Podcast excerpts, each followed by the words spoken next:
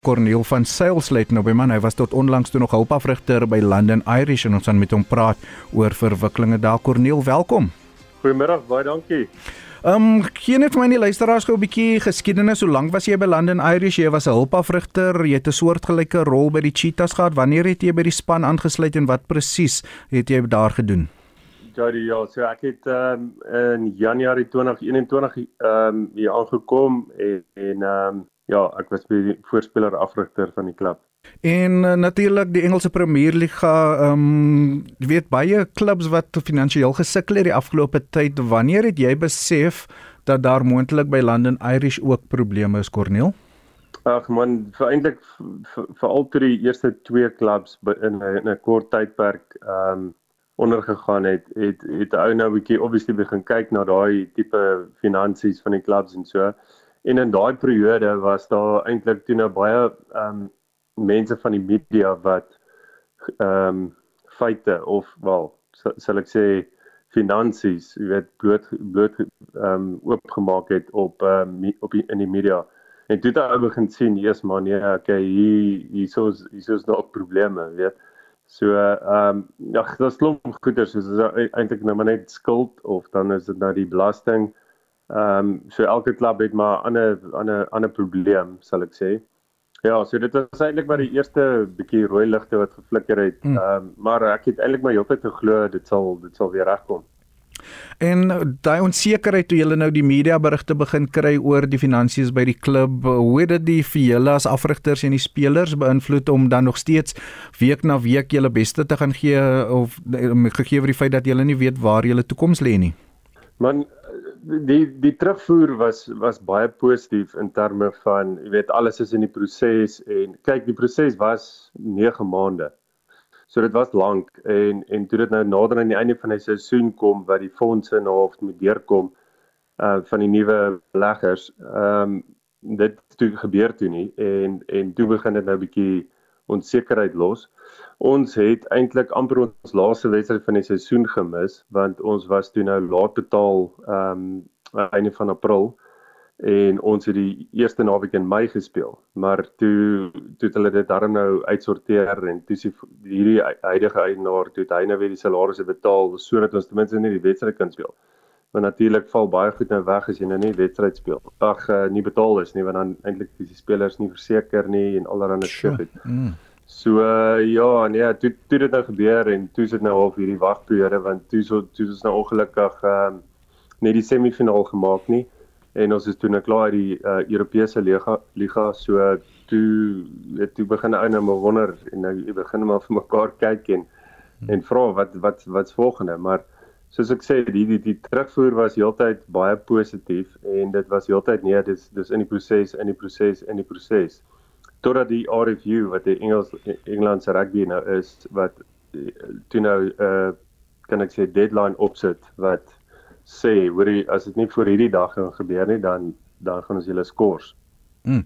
En dit is toe die bom uh, ja, wat vroeër die week gebars het um, dat jy ehm um, ek ek ek sukkel nog om die terme in Afrikaans te verwerk maar soos ek dit verstaan uit alle rugby ligas geskort is die klub kan nie speel of voortgaan nie. Korrek, ja. So so basies as hulle nie die fondse kan ehm um, kan ek sê 'n bewys lewer daarvan nie, dan dat die hele die klub okay sal wees vir die hele volgende seisoen, want wat hulle wou wou uh, doen is laat dit nie weer in die middel van die seisoen gebeur nie en dan is dan nou jy weet ons het al 'n paar games gespeel teen daai clubs en ewe skielik dan val hulle nou uit. So dan wie kry die punt op die einde van die dag? Hmm. Hoe maak hulle met die met die log? So dis daar's klomp ehm um, logistieke wat nou 'n bietjie 'n hmm. probleem veroorsaak. En toe het hulle eintlik hierdie proses in in plek gesit dat die clubs moet hulle finansies uh, kan ek sê waarborg vir 'n jaar. Hmm. En uh, ja, dis toe nou waar die moeilikheid kom. En ja, soos ek gesê die bom bars toe vroeër die week, drie Suid-Afrikaners, jy en dan die spelers Maatjie Willemse by die senter Bernard Janse van Rensburg wat beïnvloed is. So wat hou die toekoms nou vir jou Corneel van Sail in? Ehm um, wat gaan jy nou doen? Ja, so dis dis maar moeilik een want 'n uh, ou dis rugby gaan maar tydsberekening so om 'n werk te kry by 'n ander klub is jy weet jy, dit moet die regte tyd gebeur. Almal het klaar hulle kontraktering gedoen so ek voel eintlik jammer vir vir vir vir die spelers ook want hulle gaan ook nie inkomste kry nie. Ehm um, hier en daar is 'n ou gelukkig. Ehm um, ek weet Maatjie Willemse, hy het eintlik hy sê eintlik die klub verlaat het. Ehm um, ook maar eintlik as gevolg van die van die ehm um, soos hulle praat in Engeland van die salary cap. So jy kan net soveel geld spandeer. So van die ouens moes ons wegsny. So hy sou in elk geval aangeskryf het. So ek is eintlik baie bly vir hom want dit was hartseer om te sien gaan, maar nou is het hy darem 'n plek om te speel. Ehm um, man ja, so ou kyk maar vir werk en en, en dan maak hy ou maar planne. Dis dis dis moeilik met die met ons werksvermitte want jy het hoes nie nou net so soveel tyd wat jy wat jy 'n nuwe inkome kan soek. Ja, en dan andersters dan skiet hy maar terug Suid-Afrika toe dan gaan ons maar huis toe. Ja, uh, interessante tye in die rugby van wêreld en dit in 'n wêreldbeker jaar en ehm um, verwag jy dat moontlik ander spanne in Engeland ehm, 'n um, soortgelyke pad kan gaan stap? Wat is die probleem? Is dit die salary cap? Is daar te min geld in Engelse rugby dat klubs nie kop bo water kan hou nie, Corneel? Ek dink ek dink eh, ag mense sê net maar seker maar altyd COVID en en sulke goed is 'n groot invloed. So ek dink tog COVID begin nou sy tol eis want die klubs het obviously baie van hulle het skuld of al almal van hulle het skuld. Maar met COVID het hulle nog ekstra geld geleen want nou is mos dan niks inkomste nie. Ehm um, van die hekke, die wedstryde, allerlei ander goed en en toe het hulle geld geleen en ek dink dit het hulle maar net oor 'n tyd bietjie begin byt as jy as jy kyk wel as rumors ek weet nie. Ehm um, maar Leicester het die grootste ondersteuningsbasis in Engeland. So hulle die meeste mense wat kom kyk en hulle wedstryd is altyd vol. Hulle is ook blykbaar onder druk. En hulle was ook laas jaar op die stadium onder druk. Mm.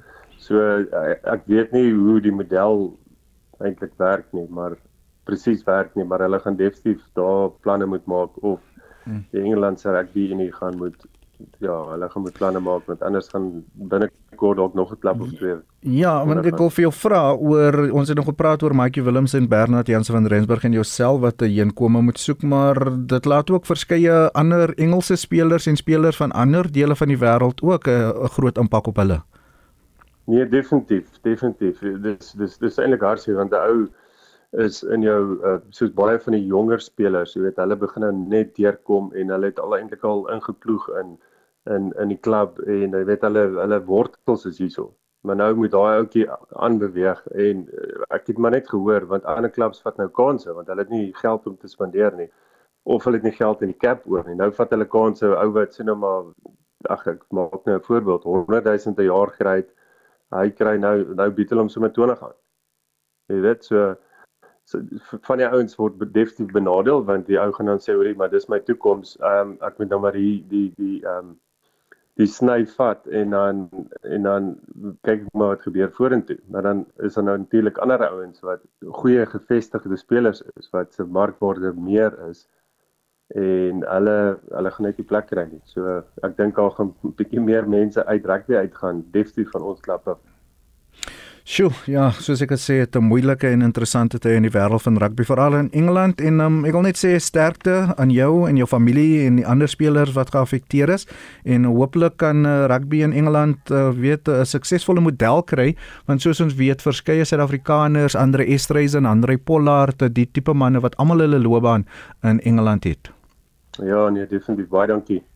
Dit was dan Dit was dan Corneel van Sail. Hy was die hulpafrigter by London Irish, 'n klub wat vroeër die week insolvent verklaar is en uit alle forme van rugby ligas in Engeland geskort is. Um, Bernard Jansen van Rensburg, die senter, ek dink hy het vir die Cheetahs en die Haie gespeel en ook Mike Williams se die hakker, ek dink vir die Stormers en Kings uitgedraf op sy dag wat ook geaffekteer is, maar gelukkig Mike wat dan 'n ander klub het